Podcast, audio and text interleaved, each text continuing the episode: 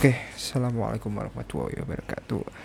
Waalaikumsalam. Balik lagi di titik putih podcast, and today setelah perseteruan Cruz dan Aubameyang yang tampaknya belum berakhir, semoga berharap mereka ketemu di pertandingan. Tapi ya mau gimana lagi Arsenal terpuruk jadi ya nggak nggak sekelas mereka atau Cruz itu Real Madrid apa Bayern ya? Real Madrid lah. Ya jelas. Nanti akan ketemu di Eropa League. Waduh. Oke lah, langsung Eropa saja. League. Kita masih bersama Bang Bisma, eh, Halo, salah halo. satu pecinta Gary Lineker ya. Yang Ya saya kayaknya- domba Gary Lineker ya. Oh ya. Yang masih men- mencintai ini football coming home. Ya, asas football coming home masih ada dalam dirinya. Em, sekarang langsung mau recap Pak ya kita. recap Nation League Pak. Ini teman senegara atau mungkin teman main itu Belgia sama Inggris 2-0. Lalu nama Jack Grealish itu mencuat atau mungkin kemarin non- bapak nonton atau enggak em, yang di mana 2-0 ini cukup cukup memprihatinkan salah satunya yang di short itu kipernya ya nah bapak sebagai orang dari Inggris sana sendiri itu yang kabupaten London atau kabupaten Manchester apa mungkin eh, komentarnya tentang kalah sama Belgia pak ya Komentarnya itu karena tidak ada Haji Maguire, Pak. oh gitu ya Iya kan. Kan rumornya Haji Maguire cedera, Pak. Akhirnya nggak dimainin. Akhirnya kan backnya Dier, Tyron Mings sama Walker kan. Nah, betul itu Pak. Hmm, Nah, bukan Eh, seriusnya soal sih, kiper ya? serius aslinya sih eh kalau menurut gue sih ya karena emang hmm, yang dimainin kan nggak total sih, nggak seluruhnya kan. Hmm, Eh, nggak ada Sterling, nggak ada Rashford, Maguire nggak ada, eh, Sancho juga nggak dimainin kan, nggak dari awal. Ya nggak dari awal. Eh, eh, ya kayaknya sih emang Inggris lagi coba-coba sih, atau emang eh mentok strateginya Southgate. Jadi kalau enggak mis kalau enggak pakai squad terbaiknya, dia enggak strateginya enggak berjalan. Hmm, hmm, hmm, hmm. Mungkin itu sih. Ya. Kalau dari segi, segi kualitas sih menurut gue sih sama sih, 11 12 sih. Harusnya bisa lah Inggris dengan squad eh squad seperti itu gitu. Hmm, hmm, hmm. Eh, bukan soal Belgia lebih OP atau masih di masih Inggris di bawah levelnya atau kayak gimana sih? Padahal mah, mah dikasih nomor 10 ya nomor 10 itu Torgan Hazard bukan Eden Hazard ya. Mm-mm. Kalau lu bilang OP sih enggak. Kalau lu lu bilang dua tahun atau tiga tahun lalu di mana di sana ada eh Eden Hazard ya kan, terus De Bruyne itu lagi top topnya Ya. ya kan. eh terus sama ya itu sih Siapa? Hazard sama De Bruyne sih harusnya itu yang paling efek sih. Sementara mereka kan eh yang Hazardnya nggak ada, De Bruyne pun juga yang nggak lagi di masa yang lagi top performance gitu loh. Hmm. Jadi ya harusnya bisa nih Inggris Iya ngelawan gitu. Sebenarnya saya nggak ada perubahan signifikan ya dari Belgia ya. Ada. Mertens ya orang-orang lain apa aja ada Waller, terus Vertonghen, Denayer, Courtois, Yuri Tillmans, Witsel. Kayak orang-orang ini mung ya mungkin nggak ini padahal belum di- belum dikasih ini lah ini. Nah, Ini itu. ini udah ganti negara kayak ini, Pak ya. tapi Bang eh, Kak, lu kemarin lihat nggak sih? Kalau gue sih nggak lihat sih. Cuma lihat eh, beberapa cuplikannya doang, highlight doang. Hmm, hmm, hmm. Nggak lihat sih gue. Ya itu sih apa kan kalau lihat di highlight kan umpannya Inggris kan nggak atau big chance-nya Inggris kan nggak terlalu banyak di statsnya Iya, iya, juga iya. gitu kan. So Iya. targetnya aja cuma tiga gitu. Hmm, hmm. Hmm. Ya ya ya ya. Oke oke oke. Berarti menurut Anda harusnya nggak nggak kalah lah ya. Eh dari segi harga squad sih harusnya nggak kalah pak. Gitu. Hmm. Ya, Harry Kane, Grealish, Mount Hmm. Bisa harusnya. tapi ya lu tau lah Inggris kayak apa kan kayak Spurs gitu kan kalau lu harapin dia menang pasti ya ya kagak gitu loh tapi kalau lu eh, ngeceng-ngecengin dia ya bisa aja dia bisa menang gitu loh Hmm, tapi hmm, jangan hmm. harapin lebih Ya ya ya ya. ya. Um, Declan Rice apakah cocok sama Henderson apa enggak ya? Ini kan harusnya Henderson enggak sama Declan Rice lagi tuh. Tuh kayak gimana sih? Kalau Declan Rice yang gue tahu sih Henderson cuma main 45 menit tuh hmm. sisanya cedera tuh entah itu klub pusing-pusing gitu. Bukayo Saka gimana, Pak? Bukayo Saka. Eh, kalau Bukayo Saka sih menjanjikan sih pak Hmm. kalau lu tahu sendiri di Arsenal kan juga bagus toh tapi Iya, ya iya. Eh, lu nggak bisa ngarepin banyak sama pemain muda pasti Iya, dia ada kalanya turun Iya. performanya Mau ya mau lo bilang Harry Winks-nya Spurs, Phil Foden-nya City, Mason Mount-nya Chelsea, Bukayo Saka Arsenal nggak nggak nolong sebenarnya. iya Hmm, hmm. Ini kurang kurang Greenwood-nya doang nih. Biar lengkap ini. Wah. Nggak ada nih, Pak. jangan bang lagi Oh, iya. diserang media anaknya kasihan Oh iya. Ini yang yang menyejutkan sih Bellingham ya. Ini orang yang nggak tahu antah berantah. Ha- Ya mungkin karena kena nama Borussia Dortmund atau belum belum kenal banget sih potensi dia kayak gimana sih. Cuman yang sejauh ini yang disorotin tentang Jack Grealish nih. Nah ini namanya naik nih pak. Mungkin ada beberapa komentar tentang Jack Grealish yang bapak kenal. Ini kayaknya udah spotlightnya udah pindah ini bukan Harry Kane lagi Jack Grealish nih. Hmm, Jack Grealish. Jack Grealish menurut gue sih eh selama gue lihat itu dia emang skillful, ya kan. Betul. Tapi gue nggak bisa ngelihat eh gue kan perbandingannya kan dia pasti nomor 10 tuh ya kan. Hmm. Eh, pasti kan ada bandingannya sama ada Ziyech, terus Bruno, Hamas, ya kan. Iya iya. Nah, tapi kalau gue lihat dia main di Aston Villa itu nggak terlalu kelihatan nomor 10-nya. Dia lebih ke nomor 10 tipe-tipe Van de Beek kalau Betul betul. Betul betul. Di mana dia bisa dia emang skillful, lebih bagus dari Van de Beek, tapi yang lebih diliatin itu bagaimana dia mengisi ruang. Jadi eh, umpannya itu nggak terlalu jauh, nggak terlalu eh, impactful, tapi positioningnya dia yang kuat. Jadi kalau lu bilang sebagai nomor 10, dia sih tetap di bawah rata-rata sih menurut gue. Di kalau kita bandingin Ziyech, Bruno sama James gitu loh. Iya iya iya iya. Kalau lu gimana? Gua sih kalau Grealish ini lebih ke karena soal potongan rambutnya aja sih. Sama tampannya nih, Pak. Enggak sih, maksud gua kalau misalkan dari Grealish sendiri itu ngerasa bahwa em, dia ability-nya oke sih. Maksudnya gue merasa sejauh ini Harry Kane doang yang punya lag yang apa ya yang yang cukup cukup oke gitu kalau masalah ability ya ini baru barusan masuk Grealish itu yang membuat gua ah, anjing ada loh orang yang kita kan butuh tipikal pemain perusuh gitu loh nah Hmm. Jack Grealish salah satunya kalau lo sempat lihat pas Aston Villa di Champions itu kan dia pernah dipukul sama supporter kan itu. Nah itu dia selain dia tahun berapa ya? Bukan tahun sih mu- musim 2017 sampai 2020 itu totalnya udah 300 dia kena fall kan. Nah itu kakinya nggak apa- nggak kenapa kenapa pak. Nah ini, ini ini yang bingung gue. Ini kan legsnya ini kuat gitu. Kalau lu lihat kakinya tuh emang buat eh, gelandang nomor 10 tuh gede banget loh, Bang. Ya, makanya itu.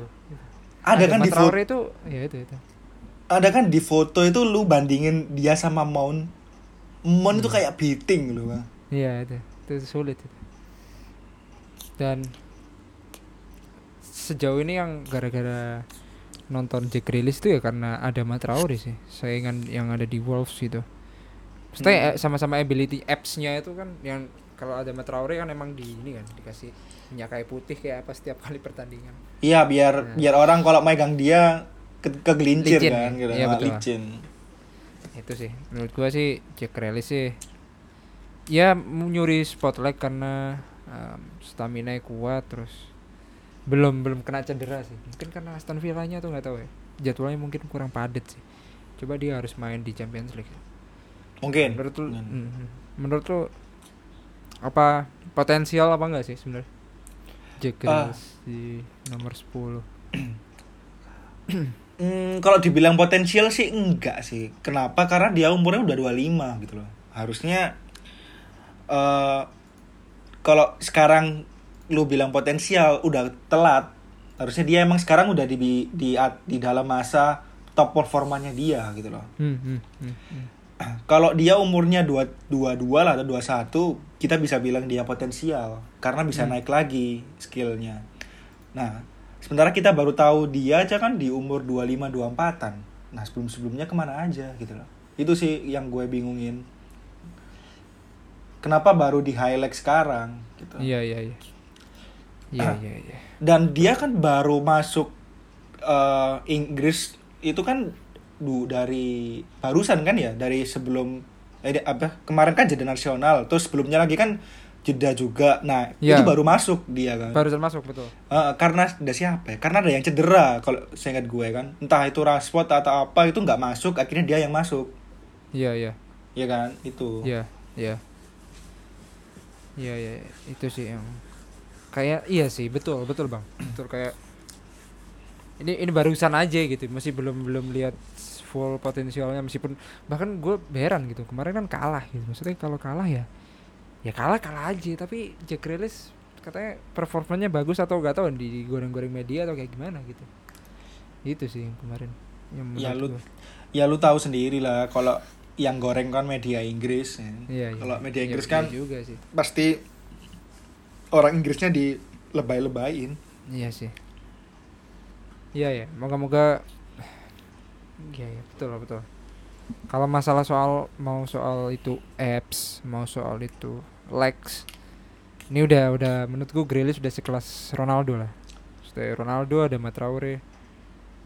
Uh, fisiknya gitu. Kalau mau lu ngomongin fisik biasa aja tapi keren ya, kayak dan Mbappe. Maksudnya Wah, biasa nah. aja maksudnya ba- uh, mungkin itu bakat ya modelnya Mbappe itu mungkin hampir sama kayak Neymar hampir sama kayak Messi ya udah lu mau jelek segimanapun ya lu potensial berbakat soalnya dari awal. It's okay. Em, nyambungin soal Inggris gitu dengan kondisi kayak gini ditanyain lagi nih musim sekarang nih. Juara apa enggak nih? Euro lah.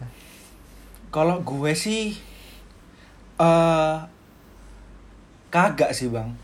Enggak ya? Gue gue gue adalah salah satu orang yang ngefavoritin Inggris. Hmm, hmm, hmm. tapi gue adalah salah satu orang juga yang bilang Inggris susah juara. Kalau lu track back sendiri kan eh man berapa cuma berapa sih oh, pemain yang dipanggil ke Inggris ya kan? Yang dia bener-bener dibutuhin atau menjadi pemain kunci di klubnya. Hmm, hmm, hmm, hmm. kita bisa hitung pakai jari tuh.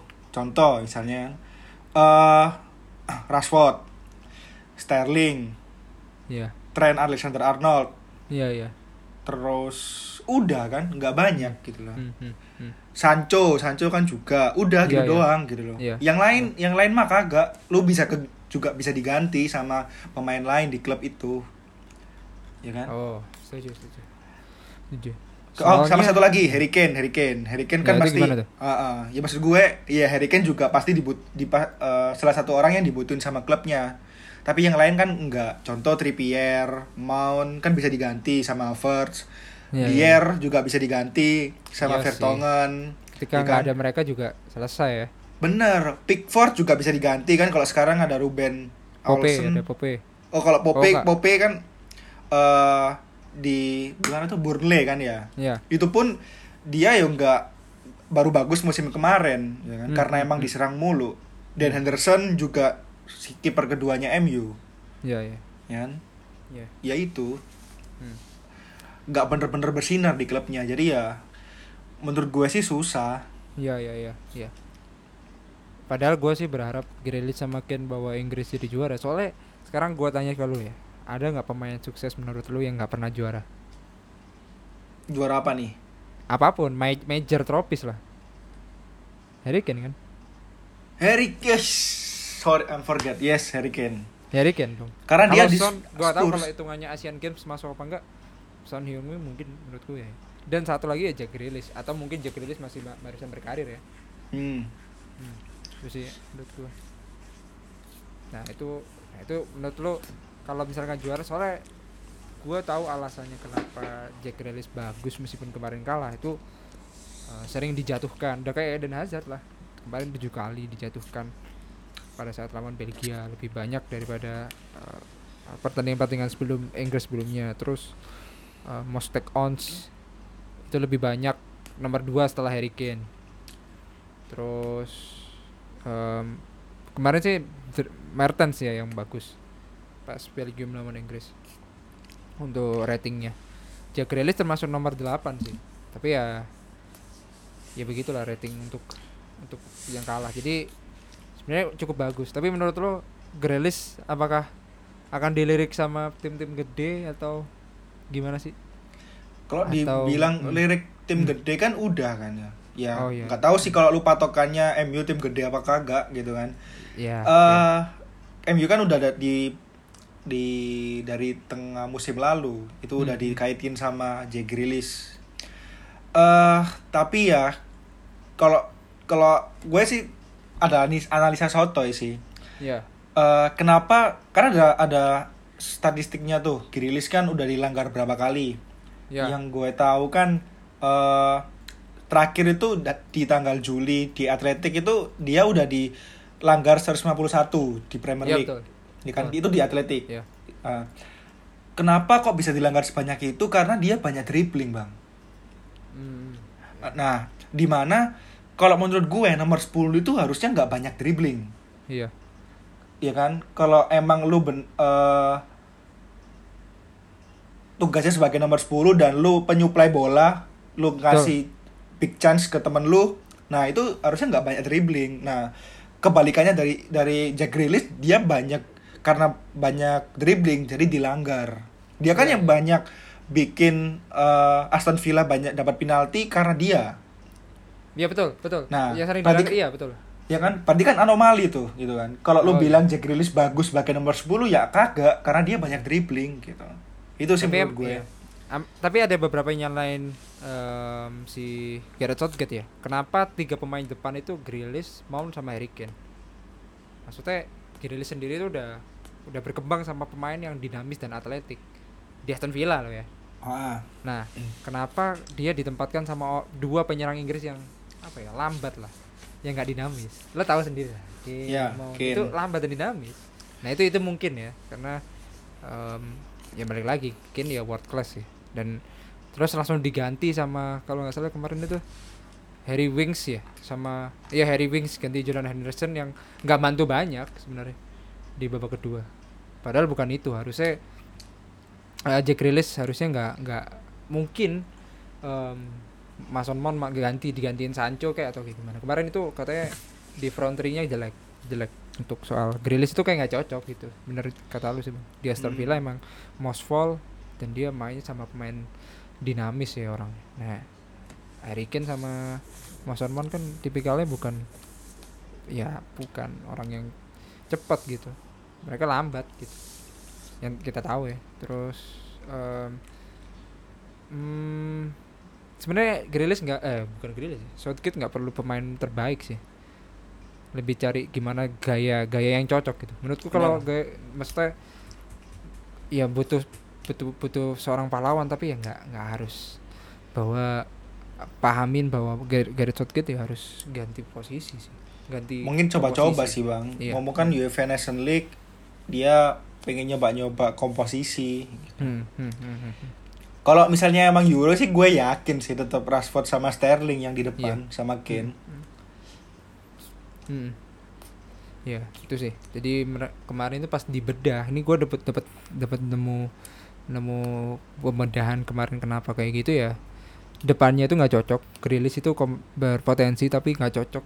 Em, front three-nya diisi sama Mason Mount atau Harry Kane bisa dimasukin sama Jadon Sancho atau pada saat pas lawan Belgia itu udah benar. Em, Courtois nggak bakal khawatir Grealish mah enteng karena ada ya ada Vertonghen ada eh, beberapa Alderweireld yang biasa aja itu sih itu kadang ya benar sih coba-coba ya moga-moga di ya ini dekat lagi loh pak Euro 2021 terus Piala Dunia 2022 loh pak Mm-mm.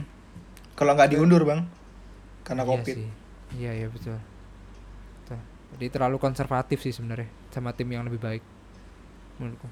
Menurutku itu kalau em, dari Inggris sendiri. Oke. Masuk ke mungkin sesi terakhir ya. Ini kita juga nggak nggak cukup cukup panjang. Sesi terakhir ini membahas top 5 summer signing yang impactful. Mau itu Oke. nah ini ini penting ini oke kita langsung masuk ke uh, segmen selanjutnya Don't it seem like a drag?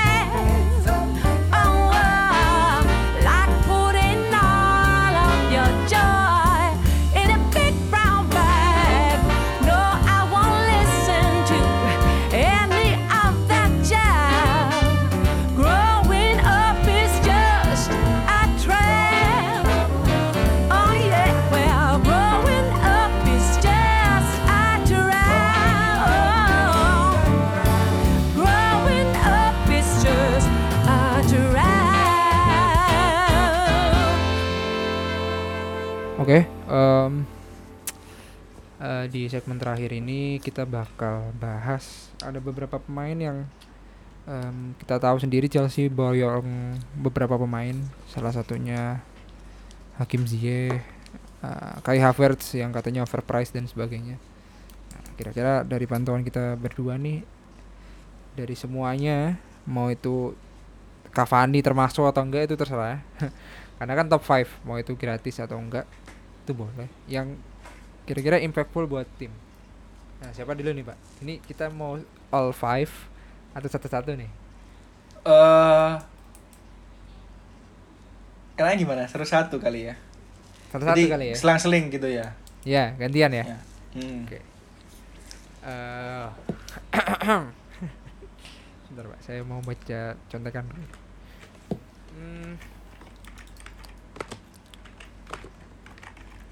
Yang nggak tahu ya ini masuk apa enggak tapi menurut gua masuk sih Cici, wait, wait, wait. Sebelum itu eh, ini ada urutannya nggak? Yang Nah, lu itu omong gua mau tanya ya, ini kayaknya nggak perlu urutan deh. Pe- perlu urutan nggak menurut lu? Kalau gue sih kayaknya perlu urutan sih. Jadi Ya, yang perlu kita sebutin satu terakhir itu yang paling impactful. Oke. Oke. Oke, oke, oke. Bismillah. Eh yang pertama sih em, gua belum ngurutin lagi.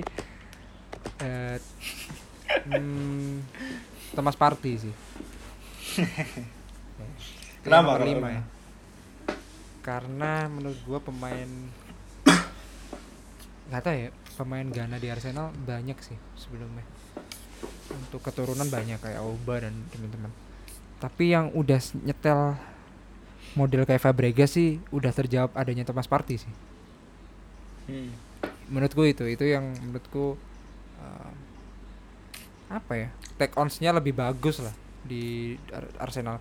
Karena pe- pembeda aja gitu menurutku pembeda aja. Mau itu harganya mahal tapi sejak Fabregas pindah ke Barcelona itu kayak kehilangan gitu loh. Ada si Ozil kayaknya Ozil nggak gitu nggak nggak Fabregas banget. Nah ini Thomas Partey menurut gua kan sebelumnya ada siapa El Neni em, Saka. ada- Saka Granit Saka yang menurut gua kurang Thomas Partey nomor 5 nah anda Eh, kebetulan sama, Pak. eh sama ya Sama. Nomor 5 Partey itu Arsenal. Ya, sih iya Arsenal. Kalau alasan gue sih karena eh gue beda sih alasannya sama lu. Gue lebih ke lihat Thomas Partey ini lebih ke gelandang defensif. Hmm, Tapi iya. gelandang defensif yang dia bisa ngalirin bola dengan cepat.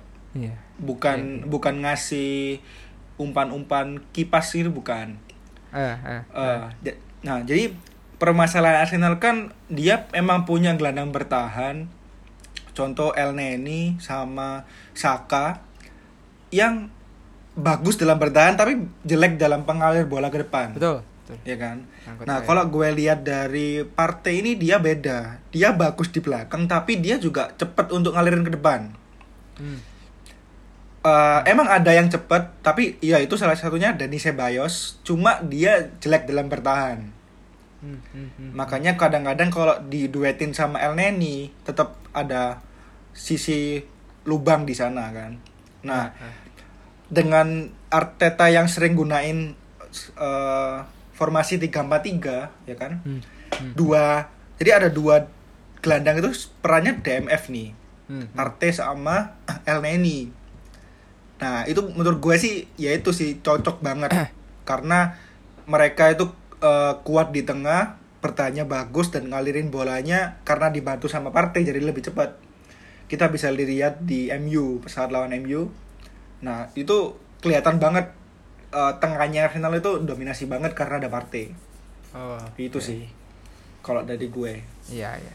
Oke, tips. All good, all good. Sementara baik ya. Nah, nomor 4 ini, ini gua anjing sih. Kenapa harus ditur diurutin top 5? Ya memang bener pen- penting sih top 5. Gue penting bingung sih Em, eh hmm, bingung nggak tuh Timo Werner. Karena Timo Werner Iya. kayak Chelsea. Why why? Em, Timo Werner ini em, dia tipikalnya pekerja keras. Terus apa ya? Dia langsung nyetel gitu loh bang. Sejak mau itu pramusim atau enggak, yang punya apa ya? Sejak lawan Brighton itu udah, ud- pekerja keras, pelari lah. Mau lo itu kan pada saat itu em, belum ada Thiago Silva datang, ada beberapa. Itu dia benar-benar makanya gue kalau lihat Werner udah kayak Wayne Rooney gitu yang ada di kotak penalti bantu defensif maju untuk nyerang ngasih beberapa dan dia pintar nyari tempat. Dan sesuai dengan kecepatan gue sih kecepatannya sih. Mungkin for your information katanya kan dia punya penyakit eh, gangguan telinga kan yang di mana dia nggak Oh. takut bising nah ini Oh. kebetulan pandemi ini nggak ada nggak ada sorak-sorai dari penonton ini kayaknya bagus ini pak ini kayaknya masih masih masih masih masih oke lah Dari Coba- biar nyetel dulu gitu ya. iya biar Habis nyetel dulu nyetel sih. baru bising nggak masalah karena udah Nggak percaya masalah. diri. soalnya Timo Werner itu cuman dua kali pak nggak main penuh lawan MU sama Soton. Mm-mm. lah Jerman loh pak ngegol dua lagi. Terus di Chelsea main terus 13 90 menit kita anggap 90 menit terus. Cuma lawan MU sama lawan Sheffield. Sheffield aja 87 menit. MU itu 74 menit. Nah, itu doang sih. Itu menurut gue yang ini orang belum ada habisnya sih. Hmm, moga-moga nggak nggak cedera sih. Oke oke. menurut gue sih Timo Werner Kalau gue keempat tuh Thiago ke Liverpool. Thiago Alcantara Yes. kenapa Eh alasannya karena eh emang Thiago sih nggak main banyak ya karena kena habis kena covid kan. Iya Cuman dia itu memberi warna lain di Hmm. sisi tengahnya Liverpool. Jadi karakternya tuh beda kalau kita bandingin sama gelandang-gelandangnya Liverpool yang lain. Hmm. Contoh kayak like Wijnaldum, terus Nabi Keita, ya kan? Iya, iya. Eh, Siapa lagi tuh? Yang tengah ya itu, sih itu Wijnaldum, sama Fabinho, sama Fabinho. iya Fabinho Nah, bedanya apa? Karena dia itu DMF yang bagus long pass-nya kan. Nah, itu adalah salah satu tipe midfielder yang nggak dipunyai Liverpool musim lalu. Di mana musim lalu itu eh, tengahnya Liverpool itu lebih ke pekerja keras, betul ya kan? Jadi dia pekerja kerasnya itu sama Henderson tuh bagusnya di short pass short pass doang. Hmm. Kecuali Henderson, Henderson tuh bagus di long pass. hmm.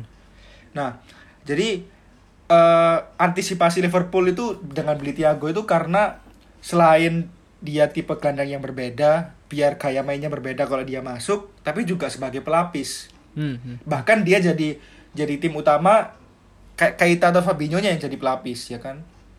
Nah, kelihatan juga di match yang lawan siapa ya? Gue lupa, dia itu Hmm. masuk sebagai pengganti setengah per- permainan pun dia udah jadi eh, pemain yang ngasih pas paling banyak di Liverpool.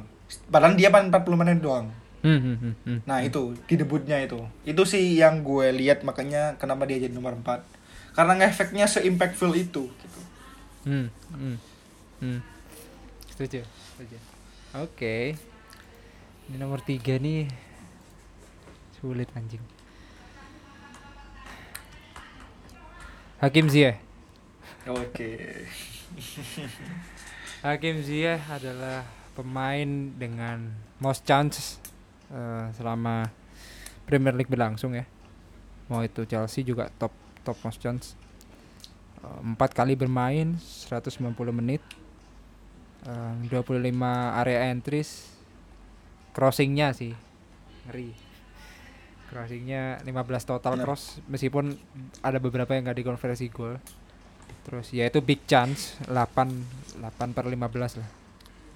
Terus 4 big chance tapi hampir sama 3 assist sama satu gol. Menurut gua dia cocok dengan harga 33 pound sterling. Bukan cocok lagi, Bang, sangat worth it. Sangat worth it. Sangat worth it. Bahkan harusnya kan harganya lebih tinggi kan. dengan Lebih seorang- tinggi dari Van de Beek harusnya. Waduh. Waduh. Nah, ini sayangnya Van de Beek gak masuk. Ya kita anggap nomor 6 lah, 60 ya. Gak masuk. 600, Pak. oh 600 ya. 600.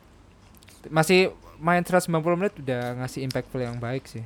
Em, ah um- umpannya cakep banget sih. Ini mengingatkan gue sama Juan Mata sama Fabregas. Tapi beda tipikal sih. Hakim Ziyech bener-bener ngeri kaki kirinya pak. Itu yang menurut gue worth it sangat. Cukup udah apa? Cukup singkat aja lah kalau yang Hakim Ziyech. Nah, lo siapa nih? Karena ya kalau gue nomor tiga sih kayaknya gue gue gak usah ngasih alasan juga. Karena sama kayak lu, Zia ke Chelsea. uh Iya, ya itu karena dia barusan main dan ngasih impact sebanyak itu gitu. Iya. Impactful impactful banget. iya, iya. Ya kan? Gue gue gak usah banyak dijelasin karena udah lu jelasin semua. Iya, iya. Dan orang-orang pasti setuju sama kita menurut gue. Hmm. artis pokoknya dia itu apa ya artis maksudnya uh, uh, pekerja seni ya he is uh, artis lah. He is Mm. such a genius lah. He is the man lah. Maksudnya the man behind Chelsea untuk sementara itu dia. Bukan Chelsea. Lampard sih maksudnya benar-benar hakim itu termasuk lah. Oke. Aduh kok Nomor dua. sih, Bang? aduh. Nomor dua ya. Nomor dua gue bingung sih nomor dua ini eh, eh, eh, eh, eh.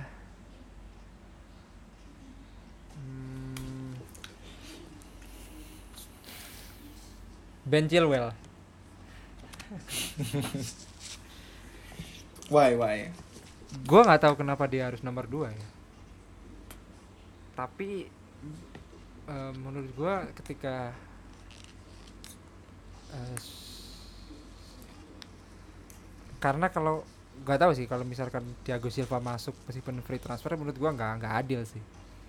Karena em, eh, ya free transfer karena emang dia udah umurnya udah tua sih. Jadi menurut gue free transfer nggak masuk di top impactful. Meskipun impactful daripada Ben Chilwell tapi menurut gue dengan harga segitu mm, berasa banget bahwa kita khususnya fans Chelsea ya kehilangan ah, Marcos Alonso yang apa ya males males mas pekerja keras lah terutama pada saat dia diganti 3-4-2-1 Diamond.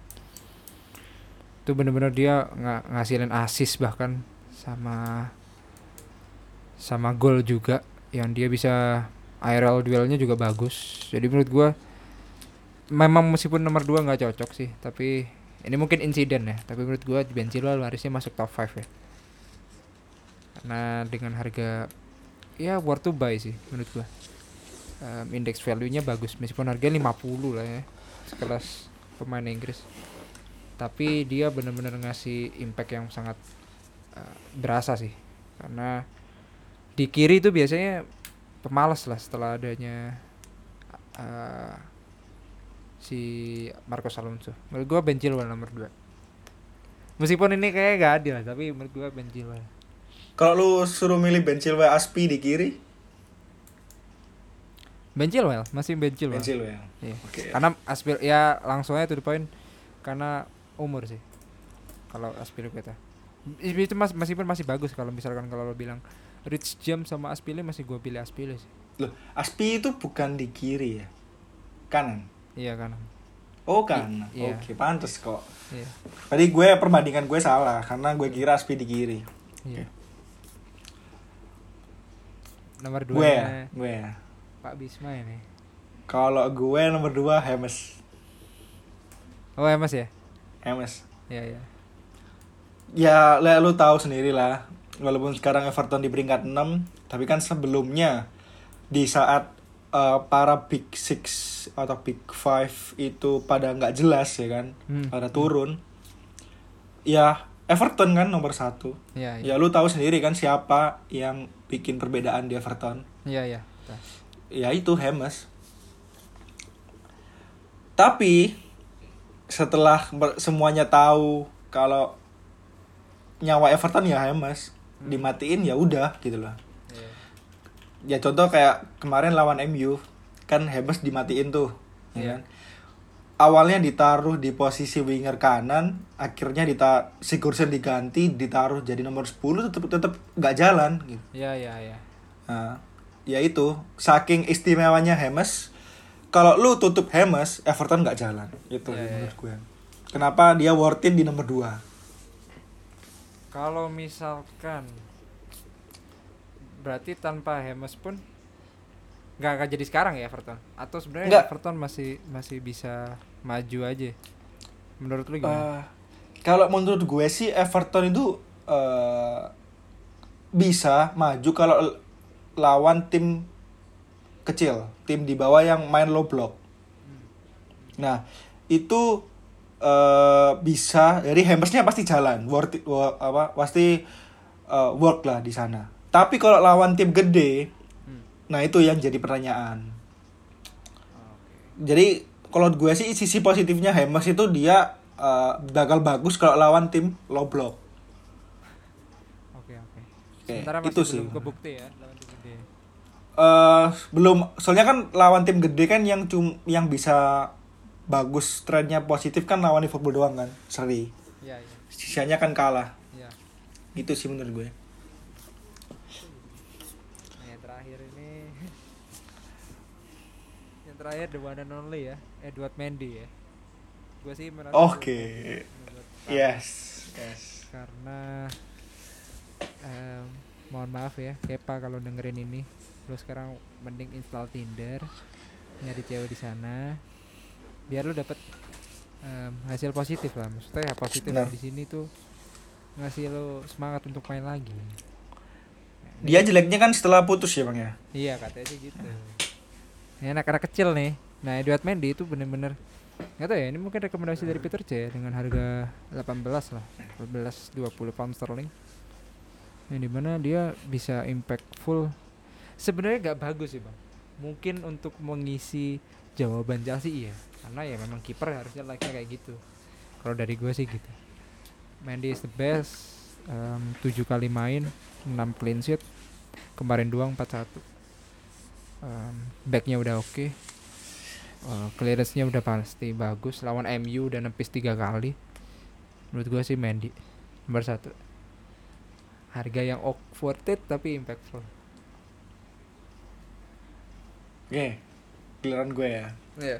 Eh kayaknya kita ada tiga poin sih yang sama ya iya. Iya tadi nomor berapa nih? Nomor lima tiga ya kan? yang ganjil-ganjil sama satu. Iya iya ya. tadi kan udah tahu gue siapa nomor satu kan ini Ben Chilwell Waduh, Ben Chilwell. Van de Beek. Pada big ya Bukan, bukan, bukan. Eduardo Man Eduardo Mendy kalau gue. Hmm, hmm. Sama. Tapi gue sih nomor satu karena eh, impact ya, karena berasa eh, berasa, berasa, karena Hmm. paling berasa banget Mendy. Tapi gue nggak bilang Eduardo Mendy itu bagus sih bang. Karena belum terbukti. Jadi gue alasan gue kenapa kok gue bilang impactful karena emang dia itu ngasih refreshment, ngasih kalau eh, kiper ya gitu. tugasnya ya jaga gitu loh. Iya betul. Tuh kiper intinya ngasih tahu kalau lu lu back lu backnya Chelsea semua Hmm. kalau lu nggak ngelakuin kesalahan kalau lu ke lewat ada gue Hmm. masih ada kiper. Udah intinya gitu. Hmm, hmm. nah walaupun Eduardo Mendy itu nggak sehebat menurut gue ya kelasnya belum sekelas Jan Oblak David De Gea eh, bahkan Courtois atau Kepa di masa Jaya. primanya. Menurut gue ya menurut gue. Di masa sebelum dia putus. Tapi dia itu ngasih tahu kalau ya ada kiper di belakang gitu loh. Hmm, hmm. itu sih menurut gue. Sementara kalau sekarang lu kasih kepa pasti kan backnya bingung tuh aku gue ntar dilewatin gue ngasih salah ntar di belakang gue nggak ada kiper gitu kan Hmm, hmm, bingung gue gitu sih intinya ngasih ketenangan sih menurut gue Hmm, hmm, hmm. Itu sih. ya? iya itu sih Hmm. menurut gue Oke. It's okay, it's fine. Um, top 5 kita eh tiga yang sama ya bang tiga yang sama ya. tiga yang sama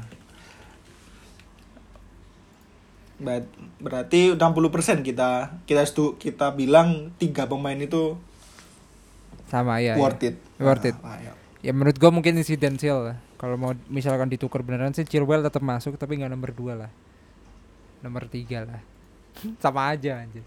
Enggak enggak enggak, enggak jauh banget sih. Tapi em, itu aja yang bisa gua kasih sama Bisma sekarang. Di mana moga-moga Inggris bisa coming home ya.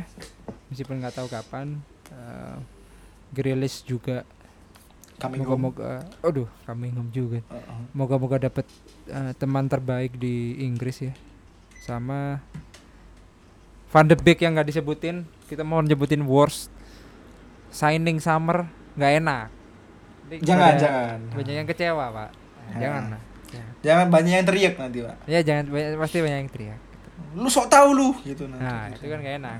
Kita sotoy nanti di kemarin sama balik lagi kemarin sama Gary Lineker karena kita pecinta Gary Lineker dari awal. Iya. kita nggak bakal seperti itu. Oke thank you so much guys. Um, see you on the next video. Video sih? see you on the next episode. Bye bye bye